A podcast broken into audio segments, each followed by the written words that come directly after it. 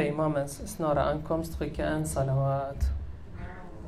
Salli ala Muhammad wa ali Muhammad.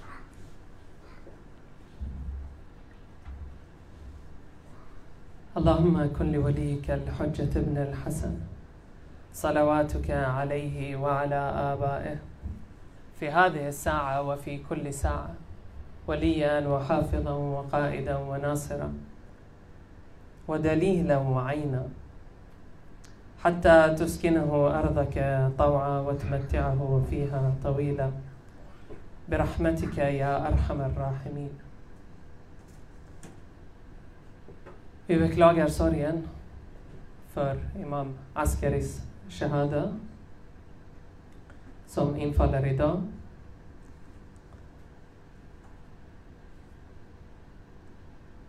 Idag ska vi prata om någonting som finns i den här frasen från Munajat Shabani. Som säger Bismillah أسألك أن تصلي على محمد وآل محمد وأن تجعلني ممن يديم ذكرك Jag vill och önskar om att du skickar dina välsignelser över profeten Muhammed och hans ett. Och att du gör mig till en av dem som alltid minns dig.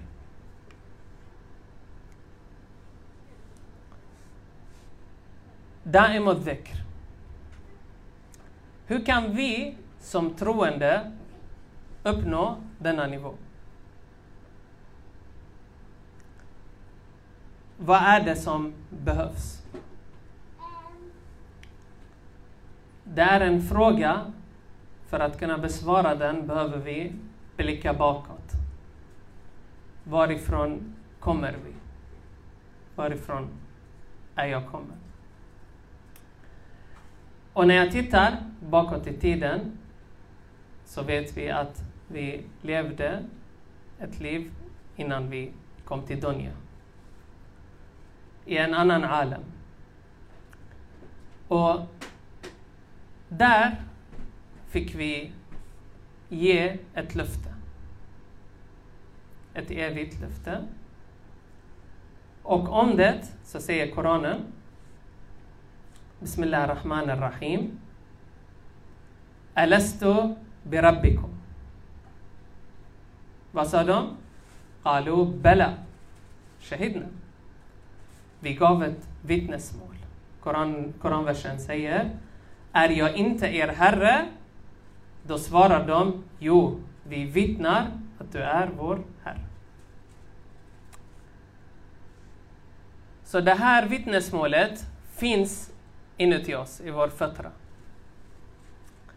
Vad händer när vi trotsar Gud eller begår synder? Vi avviker från det, eller hur? Och vad är det man gör då när man avviker från vägen? Jo, man letar en ny väg som tar mig tillbaka till vägen. Och den här processen, vad heter den? Tauba. Och den dörren finns alltid öppen. Och Allah subhanahu wa ta'ala älskar taibin. De som vänder sig tillbaka. Och kommer tillbaka och försöker igen. Så när vi bryter det här vittnesmålet så hjälper Gud oss att gå tillbaka och fortsätta på nytt. Men vad är det som gör att man avviker från det vittnesmålet?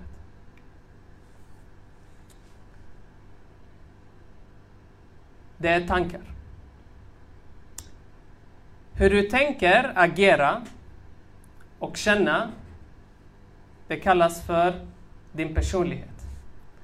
Och personlighet skapar din personliga verklighet, alltså din shakhsiya. 95 procent av vem du är vid 30 års åldern, det är en uppsättning av memorerade beteenden, eh, akhlaq, känslomässiga reaktioner, uppfattningar, attityder som du har samlat under dessa 30 år. Som bygger upp din personlighet. Att du har repeterat dem och gjort dem om och om igen, det har installerats som ett program hos dig. Och de flesta människor, de agerar i ett omedvetet tillstånd, för de följer det här programmet. När du har lärt dig att följa ett visst mönster, du fortsätter i det. Det blir som ett program. Så länge man inte inser behovet av att vilja förändras så kommer ingen större förändring ske. Man kommer fortsätta på Vanligtvis när människan drabbas av en större förändring, till exempel en sjukdom, då vaknar människan till.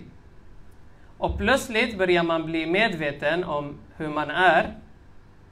Och eftersom man börjar känna annorlunda så kan man nu börja se sig själv och observera. För nu har det hänt någonting. Nu är det någonting som inte stämmer. Och när du kan observera dig själv och titta på dig själv, det betyder att då kan du ändra ditt tillstånd för att uppnå bättre resultat i livet.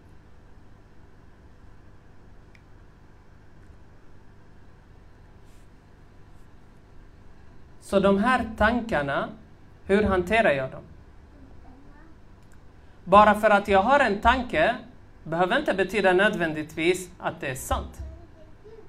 Inte vilken tanke jag får, jag ska följa den och agera efter den. Med andra ord, tro inte på allt du tänker. När jag insåg att jag själv har valet att antingen stärka den tanken eller inte, helt plötsligt kunde jag observera den. Vad är det här för tanke? Vad vill jag göra med den? Vad har jag för avsikt? Vad har jag för syfte? Vad kommer jag få ut av den? Och om jag observerar mina tankar betyder det att jag nu inte är längre det här programmet som är programmerat, som följer utan medvetande. Det är inte längre de här eh, memorerade beteendena som eh, sätts igång, utan nu säger jag stopp. Här jag börjar skilja programmet, min nafs, det obundna djuret, alltså människans haiwani-del, från rena tankar. Så här börjar jag urskilja resten. Och detta gäller allting. Till exempel om jag vill ändra en eh, vana som jag haft under en längre period. Vare sig om eh, jag vill eh, gå ner i vikt eller om jag vill eh, sluta röka, eller om jag vill eh, sluta äta skräpmat. Eller Gud vet eh, vad människor eh, gör nu för tiden. Så måste man titta på de saker som får en att återgå till den vanan. Och spela upp de tankarna som gör att man hamnar i de valen. För det är en kedja av tankar som gör att jag hamnar där. Det som du säger till Gud. Åh Gud, jag vet den här eh, lilla djävulen, han kommer komma och säga Du behöver inte börja idag. Om du vill gå ner i vikt, du kan börja från imorgon. En liten kanelbulle skadar inte. Du tittar, någon annan gör också, du tänker, jag kan också göra det. Idag är okej. Okay. Vi alla har upplevt det någon gång i någon form av eh, scenario. Det här, egentligen, vad säger den? Att den kommer inte skada mig, så jag kan skjuta upp den till imorgon. Men här, jag har egentligen inte följt den tanken som jag ursprungligen hade i början min beslutsamhet från tanken att jag ska sluta med det här var inte tillräckligt stark för att en annan röst kunde ta över.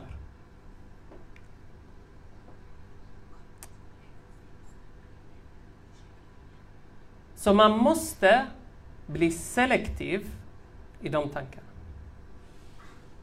Man måste kunna observera dem. Och här har vi de här tre stegen egentligen för muraqaba.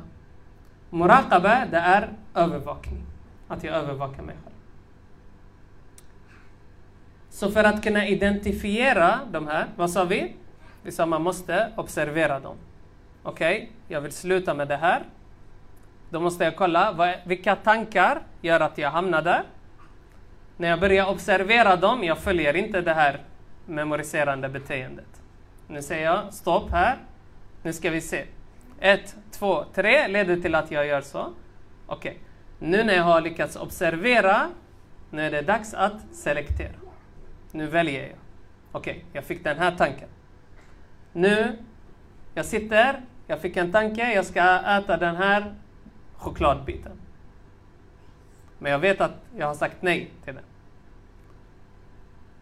Så den tanken, om jag väljer att ge den kraft eller inte, det ligger hos mig. Det är därför Shaitan, vad säger han?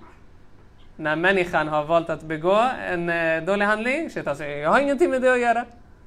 Jag sa till honom, han valde själv att göra. Jag tvingade han inte, jag sa inte till honom kom, jag drar dig, kom, jag... Nej. Och vissa saker människan själv springer efter, Shaitan behöver inte ens lägga sig Så här, jag måste börja selektera. Okay, här vi ser, det är en korg av tankar som har kommit in. Jag väljer från dem. När jag blir selektiv i tankarna så kommer jag kunna välja och plocka tanken som jag vill ha och ta tanken som jag inte vill ha och kasta den. Den tanken som leder till samma val som man gör att man hamnar om och om igen i samma misstag och brist om jag kapar den redan här i tankarna, den kommer inte komma till handling. Så nu har man börjat inse att vem jag inte vill vara längre, så kan jag välja tankarna. För tankarna kommer göra vem jag är i handlingen. Så om jag inte vill vara dessa tankar, dessa beteenden, jag plockar bort dem genom observerandet. Jag vinner över dem med en fast avsikt och beslutsamhet. Som är större än det här memoriserande programmet som finns i MIA. Och på det sättet, vad gör man? Man installerar nya tankar. För att ge de här tankarna kraft, man behöver visa sig själv en bild. Och den här bilden kan vi själva rita upp för oss. Vi pratade om det förra gången. Kraften av khayal. Av min fantasi. Så genom att jag visar min nefs en bild av framtiden. Nu exemplet till exempel med skräpmat och choklad och det ena och det andra. Jag visar mig själv en bild av hur jag skulle se ut, frisk, utan sjukdomar, utan det ena och det andra. Utan att behöva två som bär mig. Då Nefs förstår, okej, okay, jag har sett en bild hur jag vill vara. Så jag motiverar den. Och på det sättet, jag kan kontrollera, ta tag i repet, i repet, kontrollera det här djuret inom mig. För här, vad säger du egentligen? Du säger stopp, jag är chefen. Det är jag som bestämmer. Och djuret, nefs, den här haiwani-delen som finns inom den börjar besvara det här medvetandet.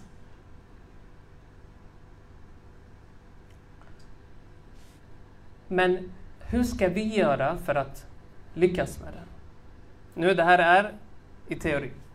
I praktiken, vi behöver leva med Gud. Hur ska jag leva med Gud? Vi pratade, nämnde frasen i början från Munajat Shabani, men man yudimu dhikrak. Bland de som alltid minns dig. Och det är inte svårt att prata med Gud. Det är inte svårt. Jag behöver inte slå ett visst nummer eller gå en viss plats eller vara i en viss eh, eh, situation eller hamna i någonting för att kunna prata med Gud. Det är inte bara när planet håller på att krascha, krascha eller när båten håller på att drunkna som vi säger åh Gud var rädd. Nej, handla. I vilken situation som helst, i vilket tillstånd som helst, vart än du befinner dig. Himmel, jord, månen, planeterna, galaxen, vad du än vill vara. Du kan prata. Krävs ingenting, alhamdulillah, kostar inga pengar, ingenting. Det är bara att prata direkt med honom. Och det är enkelt att vara da'im Hur? Genom att visualisera. Människan behöver se saker för att tro på dem. Imam Ali, vad säger han? Jag kan inte dyrka en Gud jag inte ser, eller hur? Och Gud, vi vet att vi kan inte se honom så som vi ser eh, kroppar och former och sånt. Men om jag visualiserar för mig själv, för vad lär oss Gud egentligen? Han säger, kom be. Kom dyrka, kom läs Koran. Följ profeten. Följ Ahl al-Bayt De här sakerna som vi ser fem gånger om dagen, när vi ser oss själva stå och be och gå ner till sujud, prata med Gud, höra oss. Vissa böner, vi måste prata högt så att vi hör oss själva, vissa vi pratar. Det här för att visualisera för oss själva den här relationen med Gud. Att jag skapar den. Och inte bara i bönen, i amal eller när vi läser dua kumail eller det utan hela tiden, i alla situationer. Dua kumail, den lär oss egentligen. Den säger visualisera dig när... För vad är det vi gör egentligen när vi läser dua kumail? Vi visualiserar till exempel att Gud avlägsnar oss från hans barmhärtighet eller att vi hamnar bland eh, mushrikin och kuffar eller att vi inte hamnar med de troende och hans vänner. Allt det här vi visualiserar för oss själva under tiden som vi läser. Snälla Gud, gör inte så att jag hamnar med de som du inte gillar. Gud, gör så att jag hamnar med de du älskar. Det här är för att vi ska se den här bilden framför oss. Vad vill Gud av mig?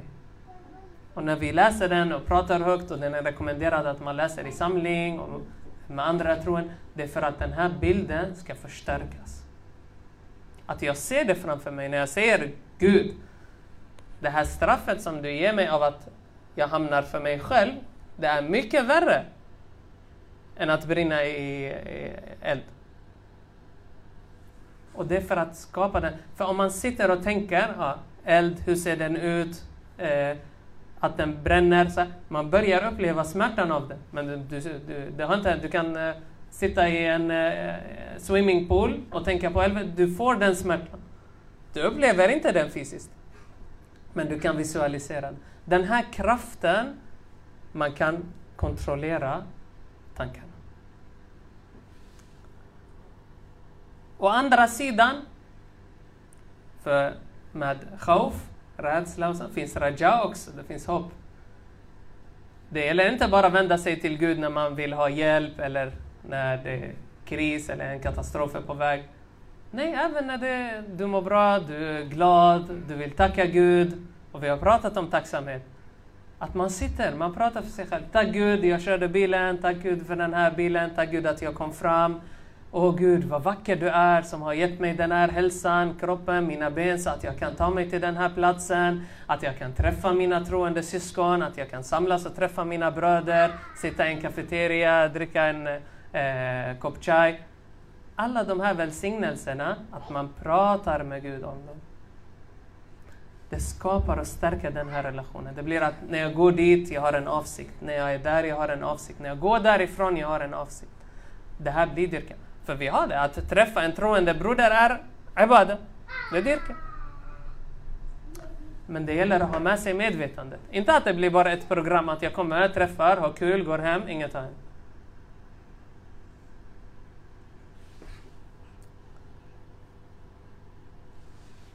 Så genom att vakna, tacka honom, tack Gud, du har gett mig ytterligare en möjlighet att komma närmare dig, en ny chans att göra stora saker, stora förändringar. Med det här, man fokuserar på känslor och tankar. Om man fortsätter på det här en period så kommer de successivt ändra mitt tankesätt.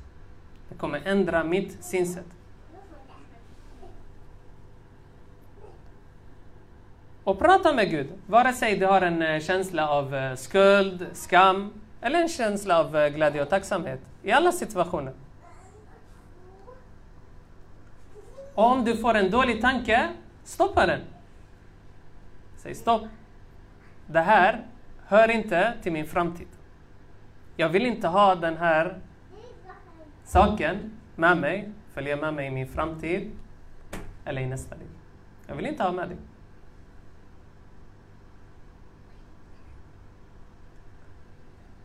Så länge jag lever av denna känsla så kommer jag kunna kapa mitt förflutna. Jag glömmer, okej, okay, det här är hur jag har varit. Jag accepterar den, jag ber Gud om förlåtelse, jag ber Gud om hjälp att ändras, skapa nytt tankesätt, nytt synsätt och bygga på det. Och det är precis som om man observerar sig själv genom att titta på ett eh, videoband. Tänk er ett eh, Youtube-klipp på eh, ditt liv. När du spelar fotboll, eh, när du eh, går ut och promenerar, när du sitter med din vän på en kafeteria. Att hela ditt liv är inspelat i ett videoband, ett videoklipp och du kan observera dig själv och du kan pausa. Du kan pausa och du kan klippa tankarna som du inte vill ha med i det här klippet. På samma sätt kan man korrigera sitt nuvarande tillstånd till det bättre och prata med Gud och be om hans hjälp för att den här förändringsprocessen, den är du nu medveten om. Det är det det handlar om. Annars om man inte är medveten, man lever sitt liv, man mår bra, allting, det händer ingenting. Man inser inte att man behöver förändras eller att man behöver ta ett steg närmare Gud eller att man behöver ändra på någonting i sin vardag.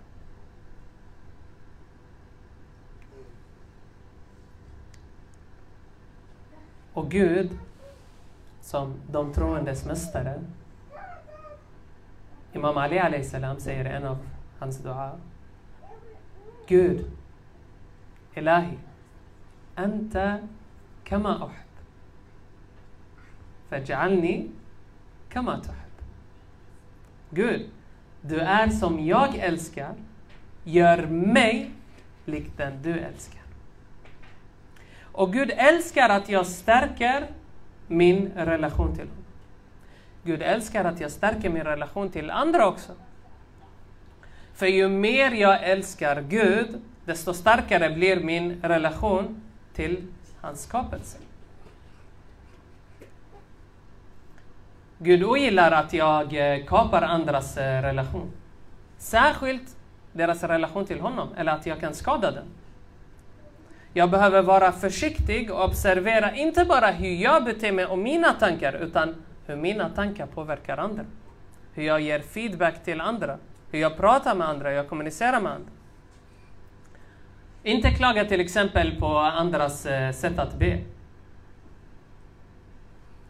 Ni har säkert sett eller hört, träffat någon som säger till en eh, du uttalade den här fel. Eh, broder, du läste den här, den var inte helt korrekt. Eh, de här sakerna kan skada den här personen. Mitt sätt att prata med en person, mitt sätt att förmedla en sak, precis som eh, profeten ville lära oss med Jättebra exempel som ni alla känner till, där han ville lära muslimerna att inte klaga på andras sätt att be. Vem kommer ni ihåg? Bilal, eller hur? Som eh, ropade eh, eh adhan. När han eh, eh, ropade ut adhan, hans eh, shin, han uttalade den sin. Så när han sa eh, eh Allahu akbar, Allahu akbar, ashadu an la ilaha illallah. أشهد أن محمد رسول الله اللهم صل على Muhammad och Ali Och han ville lära muslimerna, klaga inte. Belals sin är shin hos mig. Därför att man inte ska fastna på de här ytliga sakerna. Så vi ber Gud att göra oss bland de som han älskar och låta det vara vår bön. För när det kommer till tankar syskon, imamen Ajalallah, han hör min tanke innan den når min tunga. Så när jag väljer att ge en kraft till en tanke med avsikt att utföra den så har den redan nått imamen. Som sagt syskon, Idag, det är Imam Askaris shahada. Vilket betyder att dagen efter är dagen då vår väntares, vår Maulas imamat börjar. Så vilka tankar vill jag lägga fram på bordet och presentera till vår älskade Imam? Och vi behöver hans hjälp för att verkställa dem. Och för att kunna komma närmare till honom. Så genom muraqaba, genom att jag övervakar mina tankar, genom att jag selekterar och väljer rätt tankar och ger kraft till dem, så kan jag ändra på det här synsättet. Och bli som Shala Imam Ali bad och lär oss att bli bland dem som älskar Gud och gör oss bland dem som han älskar. Vi avslutar inshallah med den salawat ala Muhammad och Ali Muhammad.